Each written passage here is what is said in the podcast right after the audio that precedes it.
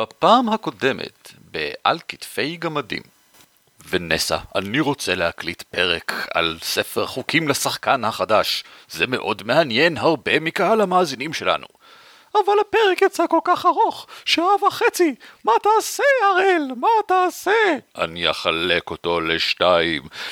לא! רק לא זה... כן, אין ברירה, ונסה, אין ברירה.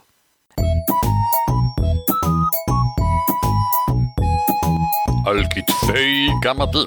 פודקאסט ישראלי על משחקי תפקידים.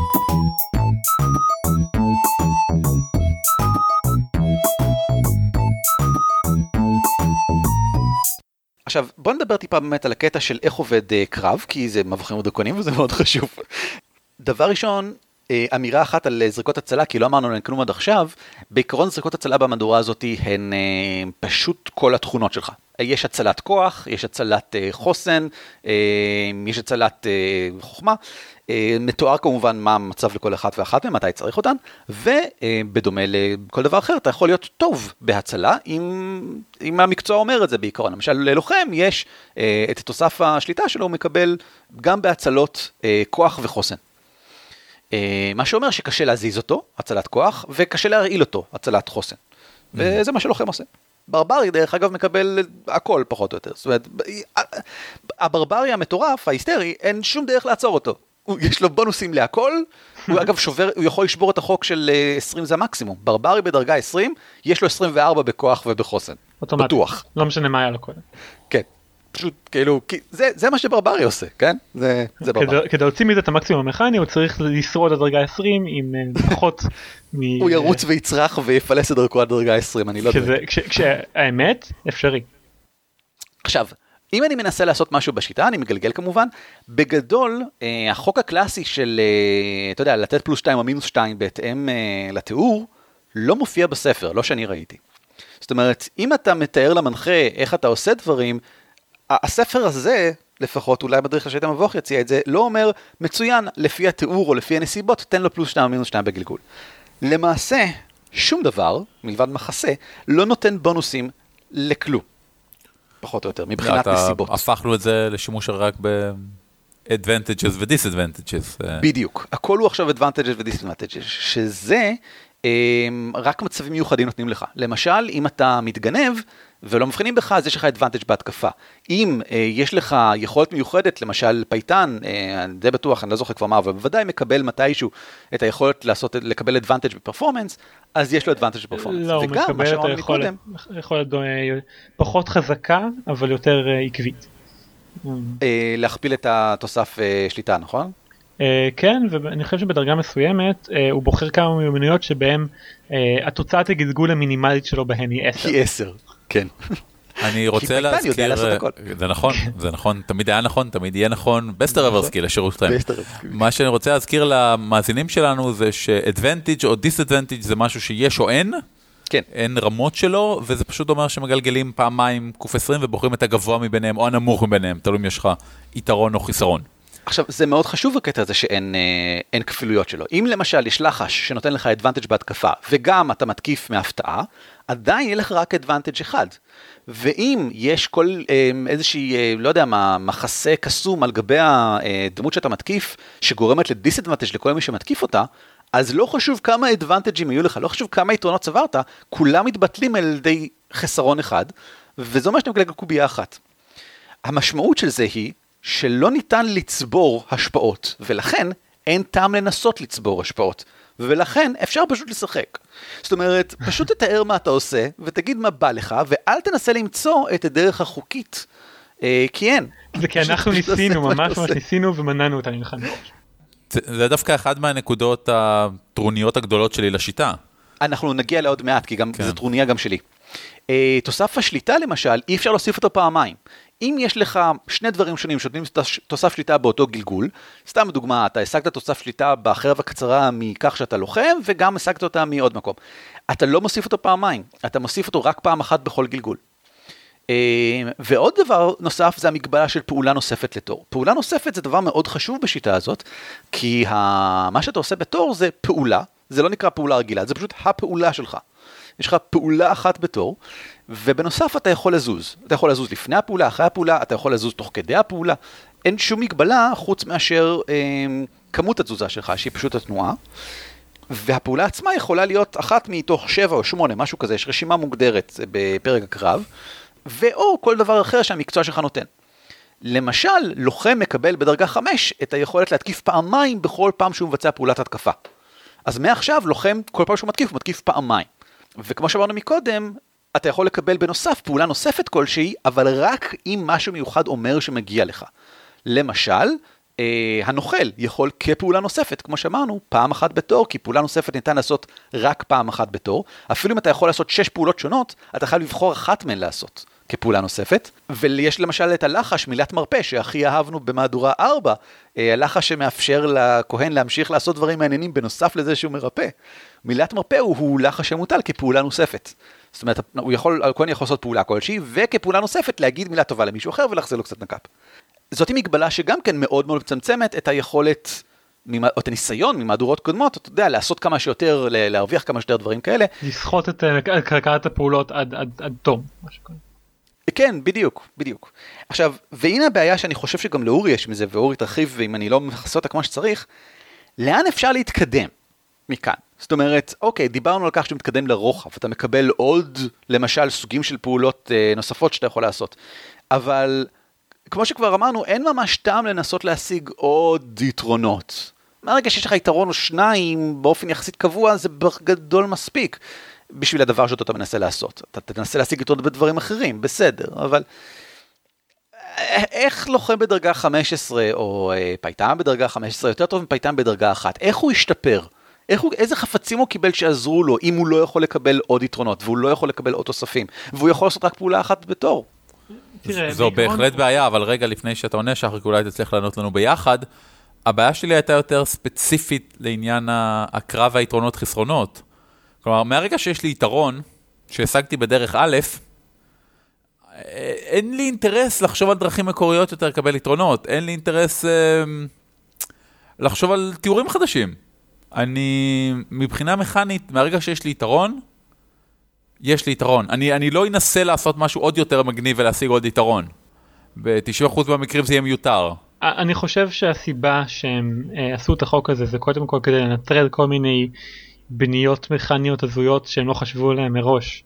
שמטרתן תהיה פשוט להשיג כמה שיותר עוצמה מבחינת מה שקוראים להגביר פאוור גיימינג.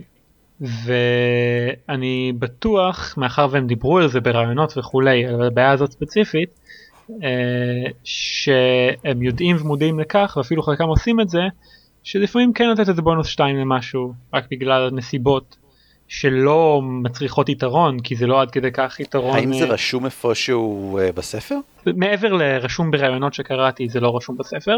לדעתי זה מטעמי פשטות כלומר uh, לא רצו להעמיס יותר מדי על ספר השחקן והם רצו שמשחק יזרום שזה לא כזה חיוני לתחושה הבסיסית של מבוכים ודרקונים.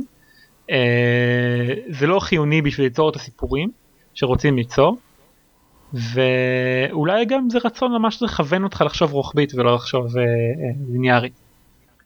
אה, אני, אני, אני כמנחה מאוד נושם נשימת הקלה על זה בגלל ש, שזה פשוט אה, נהיה מעיק בשלב מסוים. כמנחה אתה רוצה כבר להריץ את, ה, את, ה, את הסיפור קדימה, אתה רוצה שכולם יזכו ל, ל, ל, ליהנות, וכשמישהו מצליח להתמחות מעבר ל... ל, ל להתמחות באופן, בנקודה סופר ספציפית במשחק, הוא לא מקבל מזה הרבה יותר הנאה, אבל הוא כן גורע מההתקדמות הסיפורית ומהנאה של כל הקבוצה. אה, אז אה, עדיף שזה יוגבל, בעיניי כמנחה. בוא נשאל את זה ככה, עד איזה דרגה, עד איזה דרגה שיחקתם? אה, אנחנו שיחקנו, המשחק הכי גד... בדרגה הכי גבוהה ששיחקנו הייתה דרגה שמינית, למיטב זיכרוני. והאם הרגשת שם שהשחקנים, א', עדיין אה, מנסים להשיג יתרונות בדרכים באמת מקוריות, כמו שאורי אומר, ומעבר לכך, אה, מבחינת השאלה שלי, האם הרגשת שהם...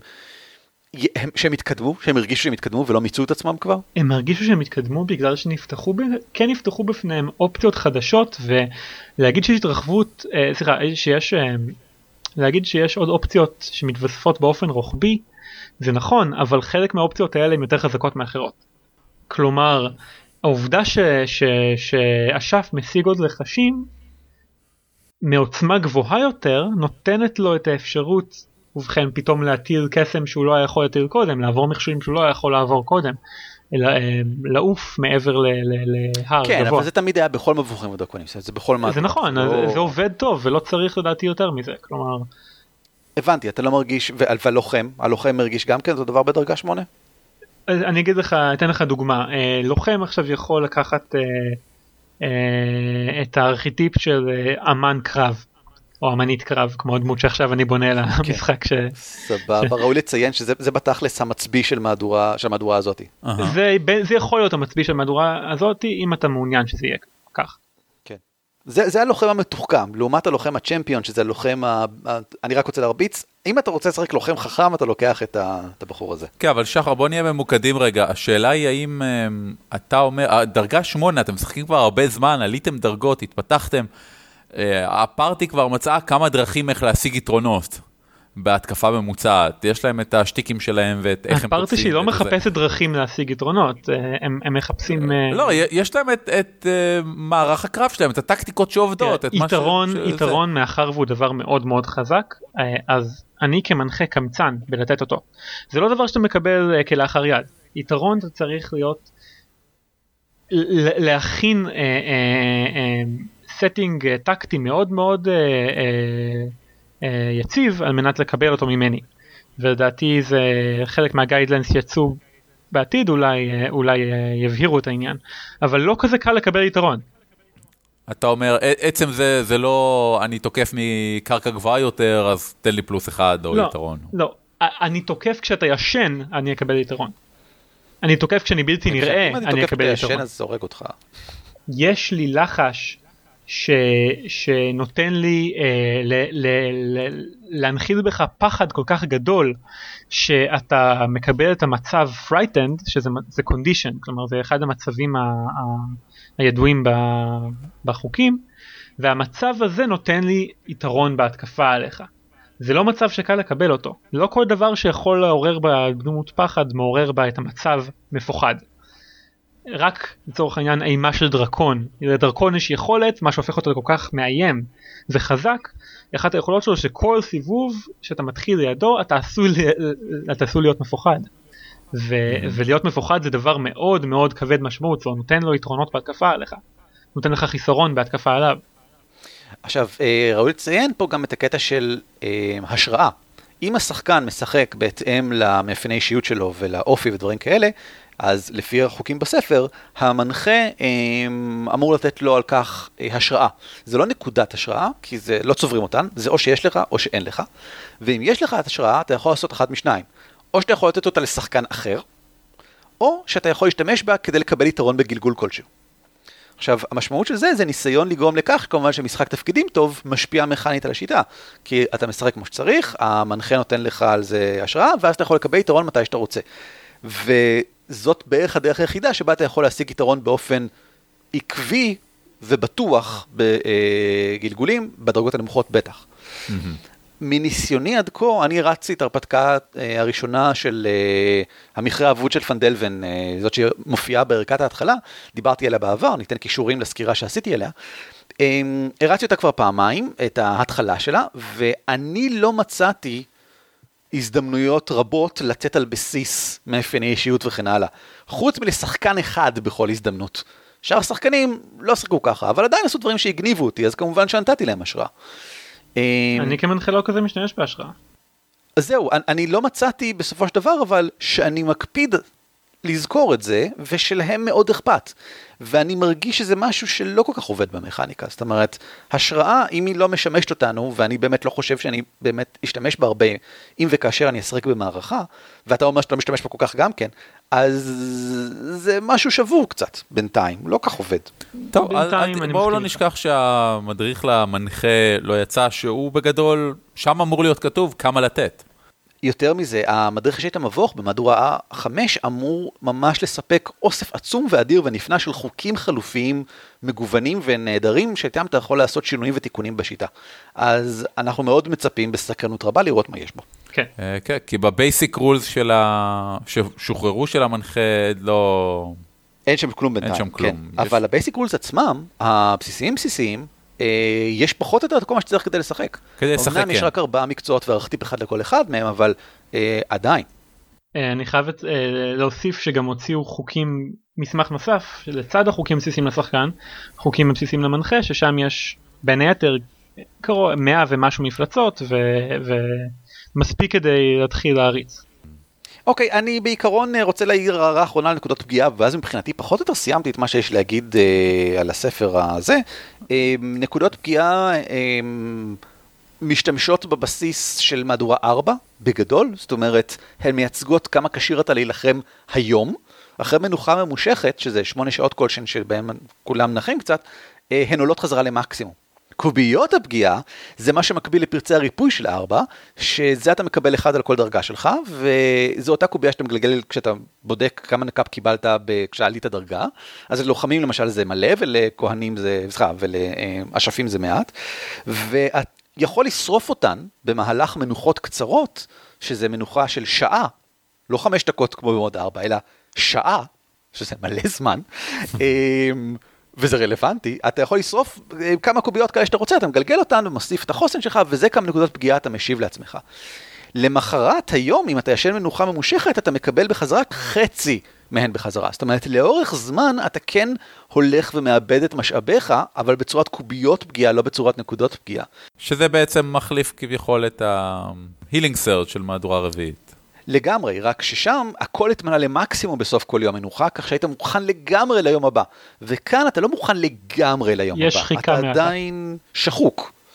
אה, ואתה הולך ונשחק בכל זאת ככל שעובר הזמן, כך שכן יש את התחושה שכדאי לחזור לעיר מתישהו. אבל עם זאת, אני אישית אוהב את הרעיון של נקודות פגיעה עולות למקסימום, כי זה אומר שאתה מתחיל את למחרת ואתה יכול לעשות משהו באותו יום, ואתה לא צריך לשבת ולחכות אה, שתרפא עוד נקודות פגיעה. זה קונספט שהוא נכון בעיניי. אה, יש עוד כל מיני דברים מעניינים להגיד לגבי מנוחות קצרות, אבל נשים אותם בצד. אה, לסיכום עוד דברים אחרונים אה, לגבי הספר. כן, אני אה, רציתי כן. לדבר על, שיט- על הלחשים קצת.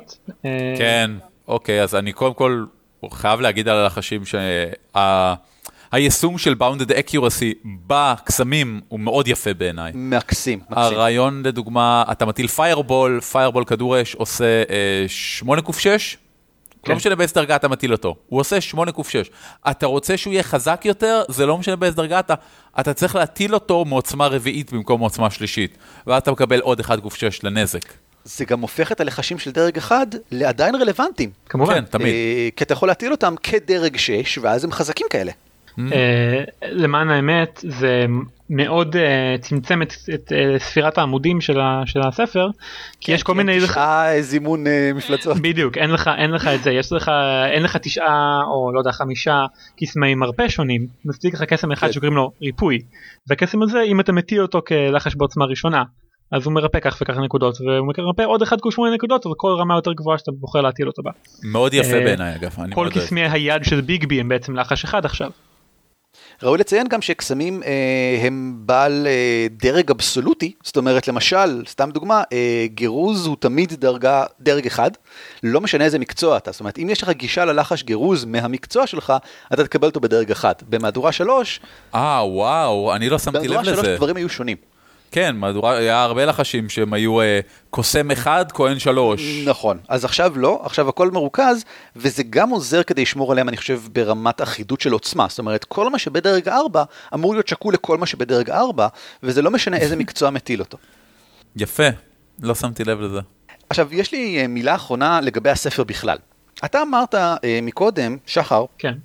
לפני שהתחלנו את ההקלטה, שזה מרגיש לך כמו AD&D בסגנון הניסוח. כן. נכון? שהספר עצמו מרגיש לך כמו, אה, זה, זה בדברים כמו שהספר קטנים. של AD&D כתב, דיבר אליך. כן, זה מדבר אליי מהדברים הקטנים. קודם כל, הוא, הוא ממש בנוי כדי לעורר אצלי תחוש של נוסטלגיה. מ- הכתיבה שלו, אני חושב, דומה במקצת לצורת ההתנסחות של uh, גרי גייגרס בזמנו, אם כי קצת פחות uh, ארכאית. זה אומר שהוא פונה אליך, הוא ממש פונה אליך. נותן לך הרבה מאוד דוגמאות, הוא משאיר הרבה מאוד קצוות פתוחים, והוא נותן אה, רק רעיונות ש, שפותחים לך את, ה, את הדמיון ולא לא מגבילים אותך. Uh, הוא דואג לתת פרטים איפה שחסר. ב, ב, למשל ב, היינו בלחשים אז נגיד הרבה מהלחשים היא נותן לך את, ה, את אה, מרכיב הלחש בצורה של מרכיב שאיכשהו מתקשר לאיזושהי מיתולוגיה או אה, פשוט מעניין לשמוע עליו כמו נגיד. זה גם מעניין, בכל מקום פחות או שמדברים על אלים או על דברים, או על גזעים אפילו, הם אומרים, בעולם של ממלכות נשכחות יש למשל ככה וככה, כן. בעולם של רומח הדרקון יש למשל ככה וככה. הם לא אומרים יש ככה, הם אומרים, תראו איזה, כמה דרכים שונות שבהן העולמות הקלאסיים שלנו מסתכלים על ככה ועל ככה. הם ממש. עבדו מאוד קשה על זה, אני זוכר את הסקרים של אה, מה לדעתך הוא לחש איקוני של D&D, מה מקשר לך. אתה רואה את זה גם אם אתה מרפרף ברשימת הלחשים, אתה רואה נורא מהר שהם ניסו לשמר המון מהלחשים האיקונים, אתה רואה שמות קופצים את אה, Otiluke's Sphere, את Mordenkainen's Faithful Hound וכן הלאה וכן הלאה. כן, בוודאי, אבל הם גם הביאו אגב כמה מארבע אני אוהב, זאת אומרת, הם כן. באמת לקחו את ה... זה highlights מכל המהדורות כזה, באמת מרגיש ככה. רק את הרעיונות הטובים. עכשיו, יש לי בעיה אבל אה, בעניין הזה, וזה שאני ממש שונא את העיצוב הגרפי של הספר. וואו, לא באמת? אכפת, ערן, תעבור הלאה. עכשיו, אני, קשה, קשה לי להסביר את זה, אני חושב, לפרטים, אבל שום דבר, שום דבר בעיצוב הגרפי של הספר לא מוצא חן בעיניי. אני חייב לציין ש, שאולי תמצא אנשים נוספים ש, שהסכימו איתך.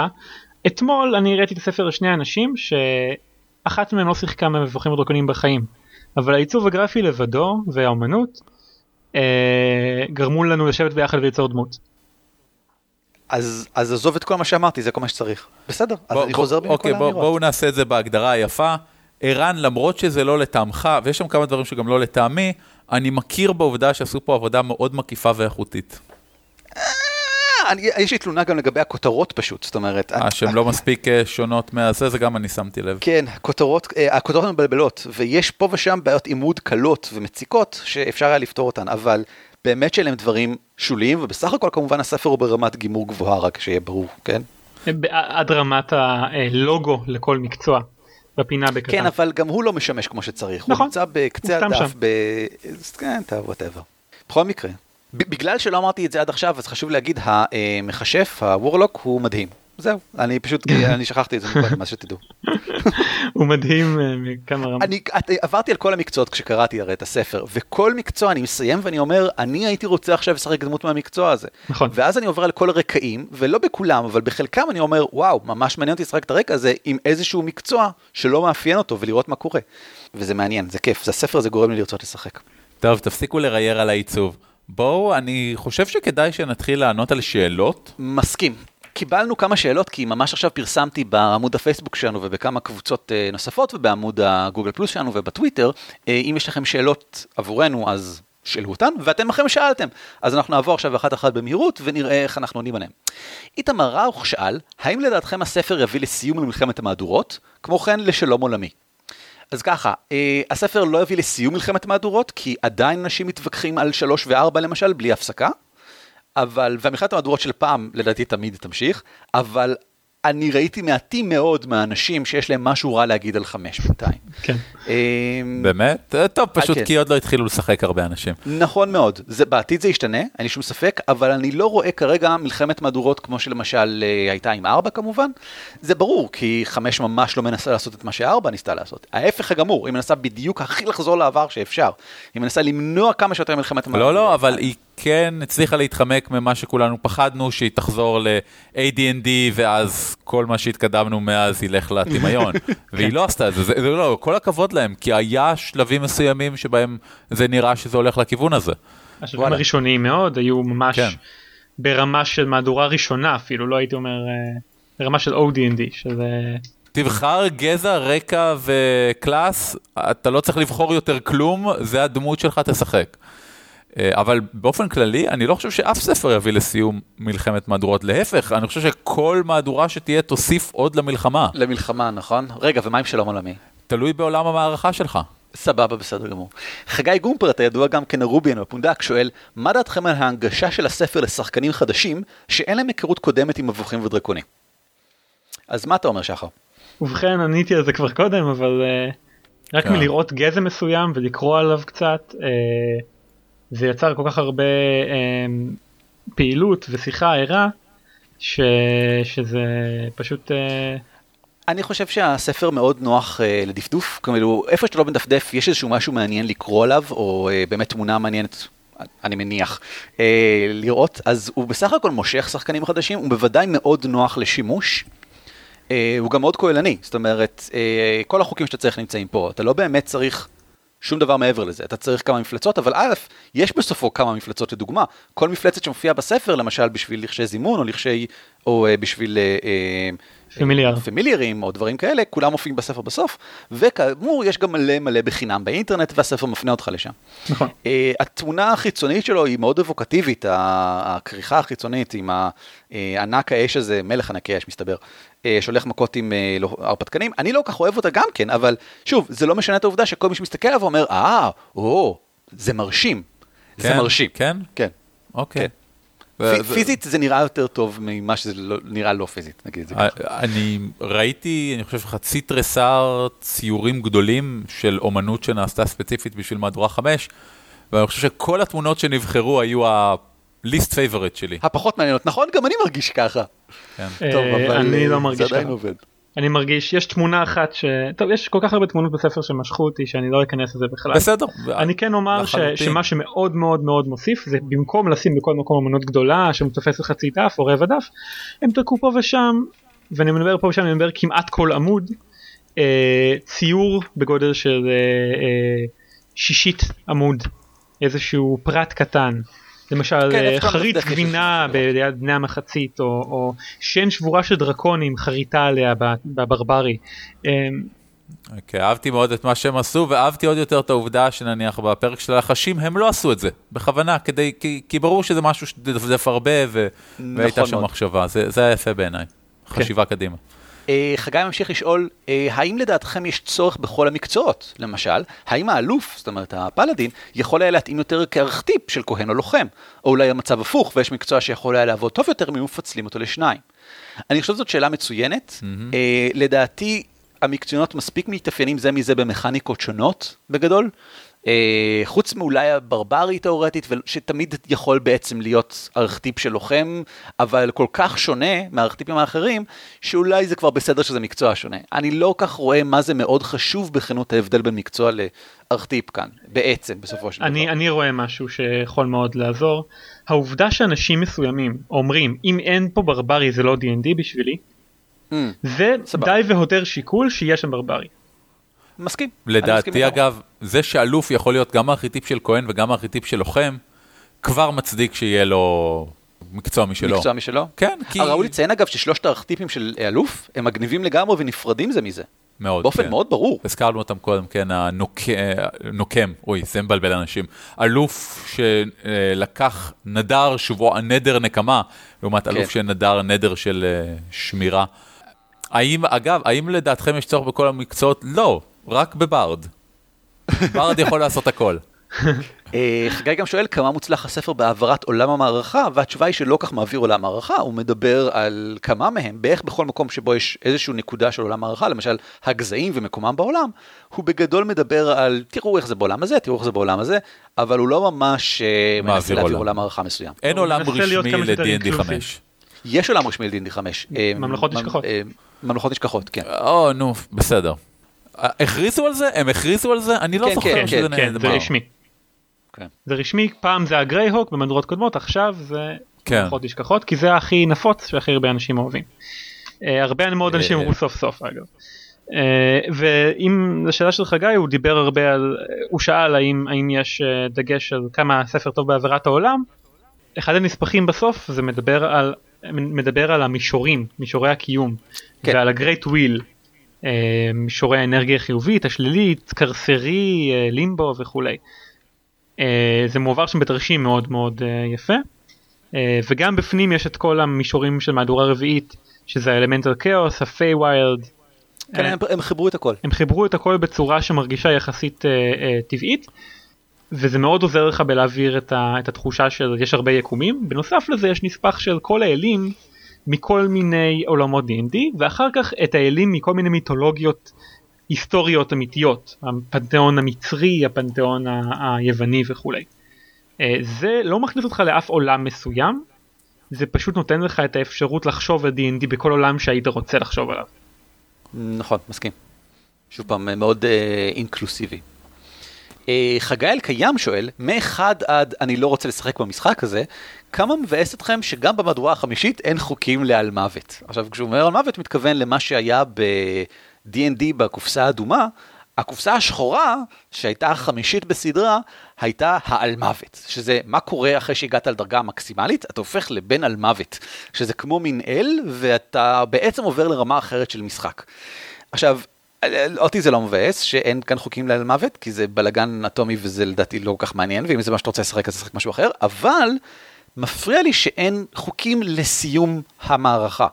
זאת אומרת, בניגוד ל-D&D 4, ששם היה חוקים ברורים והגדרה למה קורה בדרגה 30 ואיך אתה מסיים את הדמות שלך, שזה משהו שאני מאוד אהבתי, כאן אין שום התייחסות לדרגה 20 בכלל. אתה מגיע אליו וגמרנו, לא אומרים שום דבר על מה קורה אחר כך, או בכלל אין שום דיון על מערכה גם כן, כי זה ספר חוקים לשחקן נכון. כמובן. אני בסדר גמור עם זה שהחוקים לא נמצאים פה, והם אכן אמורים להיות במדריך למנחה. בסדר גמור. אה, איתמר וייסברג שואל, איזה רעש עושה הספר כשמרפרפים על הדפים? אנחנו כמובן אה, נפרסם הקלטה של אה, המון זועם שצועק, איתמר, למה אתה מבזבז את הזמן שלנו? טל שטרזר שואל, האם יש לדפים ריח של ספר חדש גם אחרי המשחק הראשון? טל, אתה יכול לעמוד ליד איתמר. חגי ניב שואל, האם uh, הספר, זאת אומרת מבחינת הטקסט, האמנות והעיצוב, נותנים את ההרגשה שאתה הולך להיכנס לעולם מוזר וקסום? כן. אתה, uh, שחר, אתה אומר כן? אני אומר אני כן, חד אומר משמעית. אה, ככה ככה בגדול כן, אולי עולם תמוה ומופלא, אני לא יודע, מוזר וקסום ממש.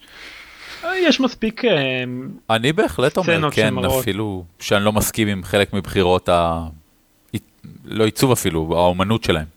אלירן אדרי שואל, מה ההפרשים בין הסלש לבין סט החוקים הבסיסי? מה הספר מציע שהחוקים הבסיסיים לא? אה, זאת שאלה מצוינת, כי החוקים הבסיסיים שהם זמינים באופן חינם, עימוד. דרך אגב, מה מה? עימוד. עימוד. נורא נורא קשה לקרוא את סט החוקים הבסיסי. נכון. אנחנו אגב, ראוי לציין, מתורגמם עכשיו לעברית אה, בידי אה, קבוצת מתנדבים. אני מאוד מקווה שזה יהיה מוכן עד אזור נובמבר. השאלה היא מה הסלש מוסיף שהחוקים הבסיסיים לא, זה בעיקר אה, בחירות מעניינות. זאת אומרת, החוקים הבסיסיים באמת מספקים את החוקים שאיתם משחקים. אז אני לא חושב שיש שם את החוקים לקרב מתחת למים, אבל מאחר וזו פסקה אחת בספר חוקים לשחקן, אז זה לא באמת משנה. אה, הדבר העיקרי שהסלש מוסיף זה את כל המקצועות ואת כל הדברים שלהם, ואת כל הרקעים ואת כל הארכטיפים, ואת כל הגזעים, אה, ואת כל הציוד ואת כל הלחשים, וזה חשוב. למעשה, אתה אמרת לי מקודם, שחר, שלדעתך, ספר חוקים לשחקן מספיק לבדו כדי לשחק עשר שנים בלי הרחבות, מרוב כמה שהוא עמוס בדברים. כן. זה מהסיבה, נשמע לי קצת הרבה. אה, אולי אני, שוב, אה, יכול שיתברר אחר כך שטעיתי ושמהר מאוד זה ממצה את עצמו, אבל בוא נגיד שבשנתיים וחצי האחרונות, שנתיים האחרונות שיחקתי עם הרבה פחות מזה, ואני מרגיש שעוד לא התחלנו למצות כקבוצה את כל מה שיש למהדורה להציע. נכון שהרבה מהדברים האלה התפתחו תוך כדי ולא היו בהתחלה וכולי, אבל יש פה המון המון תוכן ליצור כל דמות שהיית רוצה ליצור כמעט לכל סיפור. וזה העובדה ש, ש, שכל צומת בחירה שאתה עומד בפניה אה, אה, מכפילה את האפשרויות שלך כשחקן אה, ויש די הרבה צמתות כאלה אז צמתים אה, אז יש כל כך הרבה שילובים מבחינה חוקית שזה נותן לך המון replayability המון המון replayability יותר ממהדורות קודמות. הייתי מרחיק לכת ואומר שזה הספר לשחקן עם הכי הרבה אה, חומר שראיתי אה, מעניין. ב-D&D. ב-D&D. דרך אגב, אני בגדול מסכים. זאת אומרת, אני, אין לי את הניסיון שלך, אבל שוב, אני רואה מקצוע מקצוע ואני אומר לעצמי, וואו, איך הייתי רוצה לשחק את זה מלא, אז אני מרגיש שהספר הזה פחות או יותר מספק לי את כל מה שאני צריך למשך הרבה מאוד זמן, זה בטוח. עמוס בן ישראל שואל את השאלה האחרונה, מה לעשות עד שתגיע הזמנה מאמזון? מה, אתה צוחק עליי עמוס? אתה צוחק עליי, אתה צוחק עליי. קודם כל, לך, תמצא שחקנים, תבנה עולם מערכה משותף באמצעות מיקרוסקופ או משחק storytelling, תכין סיפורי רקע של הדמויות, תשב עם השחקנים, תשקיעו קצת בדמויות שלכם, תכתוב ספר של סיפורים קצרים שהם גם ההיסטוריה של העולם, וגם מהם נובעים חפצי הקסם המעניינים שהופיעו אחרי זה בהרפתקה, תבנה נבלי על יאכלסו את העולם הזה, כי אתה רוצה לבנות בו הרפתקאות. תלמד איך להכין מגילות כדי שיהיה לך פרופים, לטבול אותם בקפה וכדומה. תלמד איך להכין שמן זית בצורה מקורית, לקטוש אותו אחרי המסיק, כשעוד יש לך את הריח של הרגבי האדמה בידיך. רק ככה תוכל, כשההזמנה תגיע, להתחיל לשחק. אה, ואני אמליץ בנוסף, אולי פשוט להתחיל לשחק עם חוקי הבסיס החינמיים, ליצור דמויות של ארבעת המקצועות הבסיסיים, זה בסדר גמור, פשוט להתחיל לשחק, וכשמגיעים החוקים המלאים, אז או להחליף את הדמויות מבחינה מכנית בדברים אחרים, או פשוט להמשיך איתם ולקחת דרגה בתור מקצוע חדש, לפי מה שהשחקנים רוצים. את, אתמול בלילה ישבתי עם אה, הרפתקאות מדרגון מגזין משנות התשעים, ואמרתי אותם, וזה לקח עשר דקות להרפתקה בערך. אה, סבבה. מגניב. אה, השתמשת בחוקים כלשהם בשביל ההמרה, או שזה לפי... אה, כלל האצבע, ממש לפי תחושה, אוקיי. אה, אבל יהיה חוקי המרה בעתיד, הם כן הצהירו על זה, לכל אה, המהדורות, לזאת. יפה מאוד. מצוין. הם, הם השקיעו זהו. במהדורה הזאת, שזה...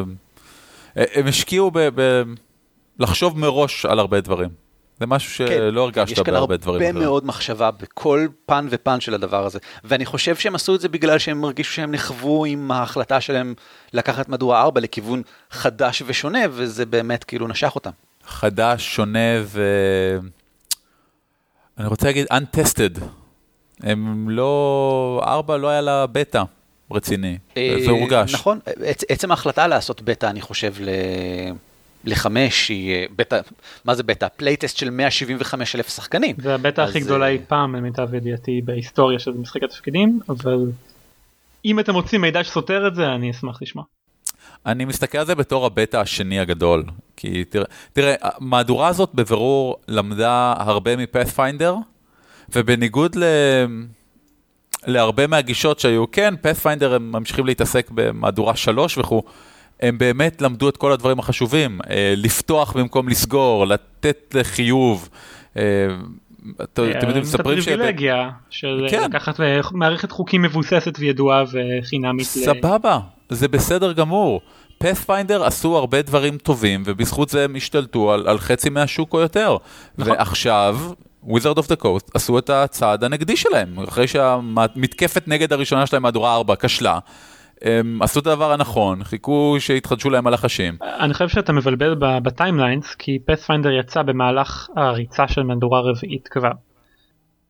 לא, כלומר- רגע, רגע, רגע. כלומר היה- כן, הבטא של Pathfinder נסגר מתישהו אחרי. ב- מתישהו ב-2009 או 10 אני חושב. נכון, אבל Pathfinder, אוקיי, סבבה, הבנתי הבנה שלנו. אני- כשאני אומר Pathfinder, אני, אני פשוט התחלתי לשחק בתחילת הבטא, אז מבחינתי זה, אתה יודע, אז Pathfinder עשו המון התקדמות, ואז יצא ארבע, אבל כן, כן, אין, אין ספק שלפני ש Pathfinder יצא רשמית, אה, מהדורה רביעית כבר הייתה בחוץ. עדיין, הם, הם יכלו לעשות קצת מודיעין וריגול אצל האויב, מה שנקרא. אבל אין, לא, מהדורה חמש בבירור למדה, הסתכלה, אימצה את מה שצריך, אדפט, אדופט, improve, ובעיניי זה מהדורה יפהפייה.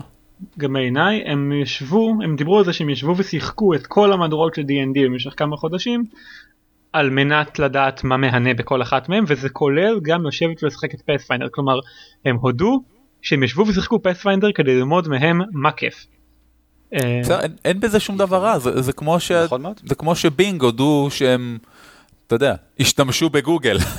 מחפשים, כן, כן, כשהם רוצים לחפש משהו, מחפשים בגוגל. אה, להכיר בזה שלמישהו יש מוצר יותר טוב, ולהגיד, אוקיי, אני רוצה לעשות יותר טוב מזה, אז אני אסתכל מה טוב בזה, ואז אני אשפר עוד מעל. זה הדבר הנכון, בהחלט. אוקיי, אני לוקח את זה כמילות הסיכום שלכם, ואני אוסיף מילת סיכום משלי. בסופו של דבר, אחרי שאני קורא את הספר, ואני חושב שאני מבין את השיטה, והרצתי בה כבר אה, שני מבוכים קצרים, אני יוצא מכך שאני מאוד רוצה גם ליצור דמויות ולשחק בה, וגם להמשיך להריץ אותה. אני מאוד אשמח עכשיו לשבת ולהתחיל כל אחד מהם, אני מרגיש שזה יהיה קל לי ושזה יהיה לי מאוד כיף. וזה כל מה שאני רוצה מכל שיטה, ובוודאי שאני שמח לראות את זה במבורכים ודרקונים, שבכל זאת שיטת הדגל של, אתה יודע, של התחביב שלנו, וכל מי שנכנס אליה, ובכן, נכנסים אליה, אני מניח, יותר אנשים חדשים מלכל השיטות האחרות ביחד. אה, וזהו. זהו. שחר, תודה רבה לך שהצטרפת אלינו. תודה לכם ל- שהזמנתם אותי. כן, זה היה מאוד מאיר עיניים, המון תודה. דעו לכם שיש בפייסבוק קבוצה שנפתחה במיוחד למבוכים ודרקונים 5, שמה הוא מבוכים ודרקונים 5. איך מוצאים אותה, ערן? איך מוצאים אותה? גם שחר וגם אני אה, משתתפים בה וכותבים בה ועונים על שאלות אה, מכניות אה, ועל כל עניין אחר שרק עולה לכם. כמובן שיהיה קישור בהערות הפרק. יש גם קבוצת גוגל פלוס למבוכים ודרקונים, אבל אני בספק אם מישהו באמת משתמש. איך מוצאים אותה, ערן? איך מוצאים אותה? אה, ו...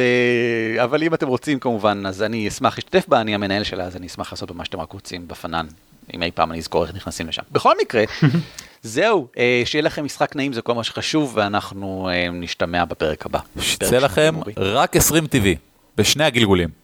בוודאי. להתראות! להתראות. להתראות. תודה שהאזנתם לעל כתפי גמדים.